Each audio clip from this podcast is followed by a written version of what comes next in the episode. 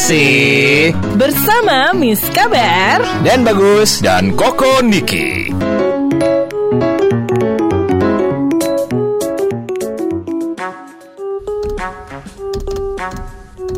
Ih, diem-diem bikin CV Gak diem-diem tahu. Bye radio Bye Optimis amat. Emangnya ada lowongan? Eh Miss KBR kan buka jasa infal anggota DPR Apaan tuh? Coba kalian lihat ini foto. Kursi kosong semuanya. Ini peluang usaha emas tahu? Sekarang kan mereka bisa pakai jasa Miss KBR Buat duduk manis, duduk manja di rapat paripurna. Hmm. Masyarakat senang, Miss menang, Lalu? anggota tenang. Masa sih? Anggota DPR RI semakin malas. Demikian headline sebuah media massa daring melaporkan, bukan kita loh ya. Berdasarkan laporan rekan-rekan wartawan tanggal 27 Agustus lalu, Hmm. dari 560 anggota DPR yang isi absen cuma 282 anggota. Nah, Uh, nah loh, Nah, ajaibnya yang hadir menurut rekan-rekan wartawan lagi hanya 60 orang. nah loh. Tuh, tuh, tuh, tuh, tuh kan. Kalau Miss KBR bisa membelah diri, uh, Miss KBR mah bisa cepet kaya tahu Yes. dengan bisnis jasa infal untuk anggota yang terhormat itu. Kamu tuh cuma ngeliat peluang usaha aja, kabur dari radio melulu maunya. Ini urusan Oh. efektivitas tata kelola negara. Nah, ini dia. Hmm, Selama ini DPR RI dianggap kurang efisien dalam bekerja. itu dia. Tuh kan. Bulan Januari lalu nih, Hmm. peneliti Forum Masyarakat Peduli Parlemen Indonesia, Mm-mm. disingkatnya Formapi, Nah. Hmm. Bang Lucius Karus Uh-uh. sampai bilang, DPR sekarang ini periode 2014-2019 adalah yang terburuk selama era reformasi. Nah loh. Nah, marilah kita tanyakan langsung maksud beliau itu apa? Ayo.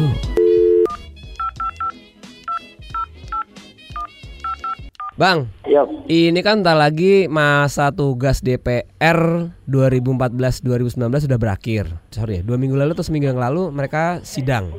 Yang datang cuman ya 50-an orang Ya. dari 500-an anggota DPR. Ya. Nah, menurut Formapi gimana sih sampai sekarang kinerja mereka itu? Itu soal ketidakhadiran itu itu sudah berlangsung hampir 10 paripurna terakhir gitu ya. Tidak pernah melebihi 100 orang yang hadir dalam ruangan rapat, tapi saat yang bersamaan rapat kemudian dianggap korum Wih. untuk dimulai gitu ya. Luar biasa. Lalu ada sedikit strategi manipulatif itu dengan menganggap anggota DPR yang minta izin itu dianggap hadir sekedar Wih. untuk membuat paripurna hadir. Jadi itu satu catatan penting juga gitu ya. Kuliahnya mungkin biasa titip absen mungkin ya? Saya kira iya mungkin Hmm. ya. Tapi ini kan sudah titip absen, Heeh. tapi yang absen itu juga dianggap hadir. Oh, aduh. Jadi hanya di. DPR itu terjadi. Oke, oke, oke. Saya kira itu salah satu alasan juga kenapa misalnya kinerja DPR 2014-2019 ini memang kita sebut sangat buruk gitu ya. Hmm. Dari 189 RU Prolegnas 2014-2019 baru 27 yang berhasil Hmm. Baru 27 disahkan. itu berapa persen itu, Bang? Tidak sampai 10 kayaknya ya. 10 persen aja nggak nyampe, Mas. Jumlah itu juga hampir seimbang dengan jumlah anggota DPR yang ditangkap oleh KPK karena kasus Wih, korupsi. luar Ada 23 biasa. orang. Jadi ada persaingan kebaikan dan keburukan gitu. eh, Prestasi di lah itu bagiannya. Prestasi gitu ya. Mm, mm, mm, mm. Ketua DPR siapa sih sekarang?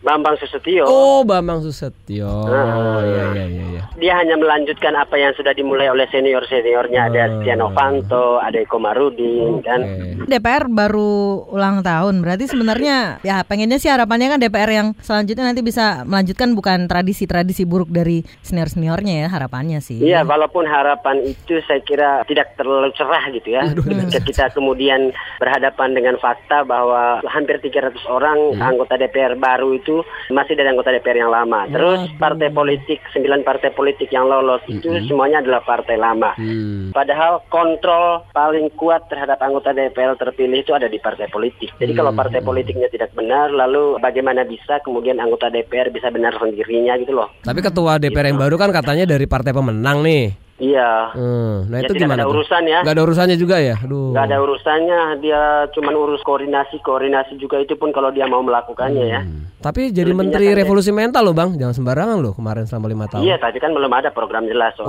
perubahan gitu mental ya. kan. Iya iya iya. Kalau dari sisi budget, anggaran pemerintah untuk anggota DPR, termasuk hak pensiun yang diberikan kepada, kepada mereka seumur hidup loh nih, sepadan nggak sih membayari orang-orang yang ya titip absen kayak begitu?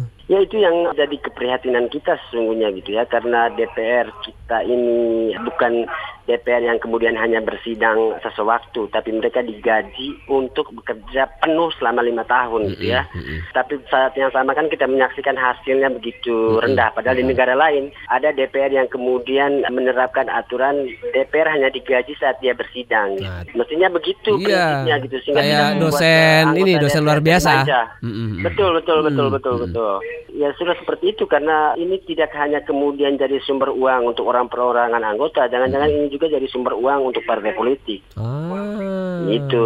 KPK Ada dengerin ini juga nih bang kayak bang. Semoga Ya semoga ya. ada kebutuhan. Ya saya kira kita juga sering menuntut supaya KPK berhasil membuktikan aliran uang dari koruptor DPR itu ke partai politik karena ada sudah beberapa koruptor yang mengatakan sebagian uang yang dikorupsinya itu mengalir ke partai politik sampai sekarang KPK belum bisa membuktikan itu jadi ini satu tugas KPK yang baru nanti gitu pimpinan yang baru mau dipilih ini ya Mm-mm. Meskipun untuk jadi anggota KPK harus atas persetujuan DPR DPR, juga. juga. Ah itu dia. Nah, itu Tapi dia. kuncinya ada di presiden. Kalau presiden menyerahkan setengah sampah ke DPR, ya memang yang terpilih ya gitu gitu ya. Itu gimana juga, Abang kalau ngelihat representasi Ya, perempuan gitu eh, apa ya. signifikan nggak ya bisa ini? Atau Misi sekedar perempuan atau sekedar ini tempelan doang. Iya. Untuk perwakilan perempuan pertama kalau bicara kuantitas dulu gitu ya. Misi perempuan keterwakilan 30% itu kan belum pernah terjawab. Belum pernah gitu ya. terjawab, ya. Hanya terjawab di pencalonan doang, tapi Ah. hasilnya perempuan sendiri gagal untuk menunjukkan perjuangannya Hmm.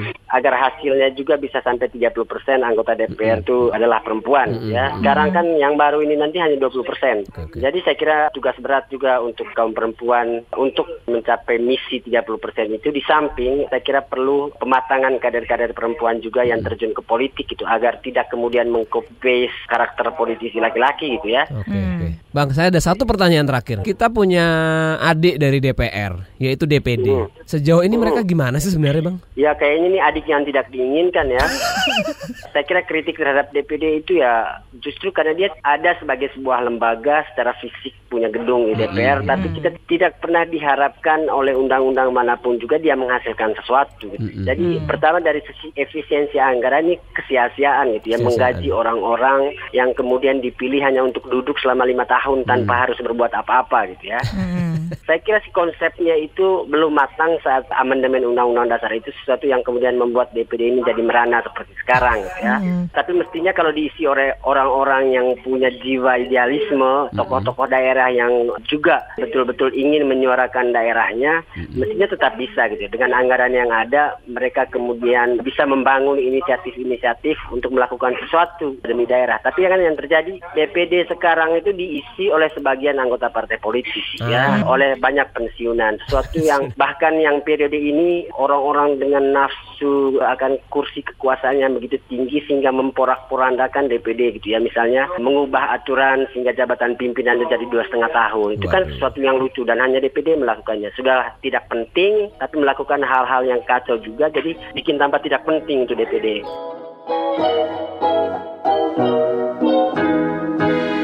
Gimana Miss, bakal sukses nggak nih usaha Inval Yay? Iya pasti sukses lah. Udah ah, Miss KBR mau dengerin kbrprime.id.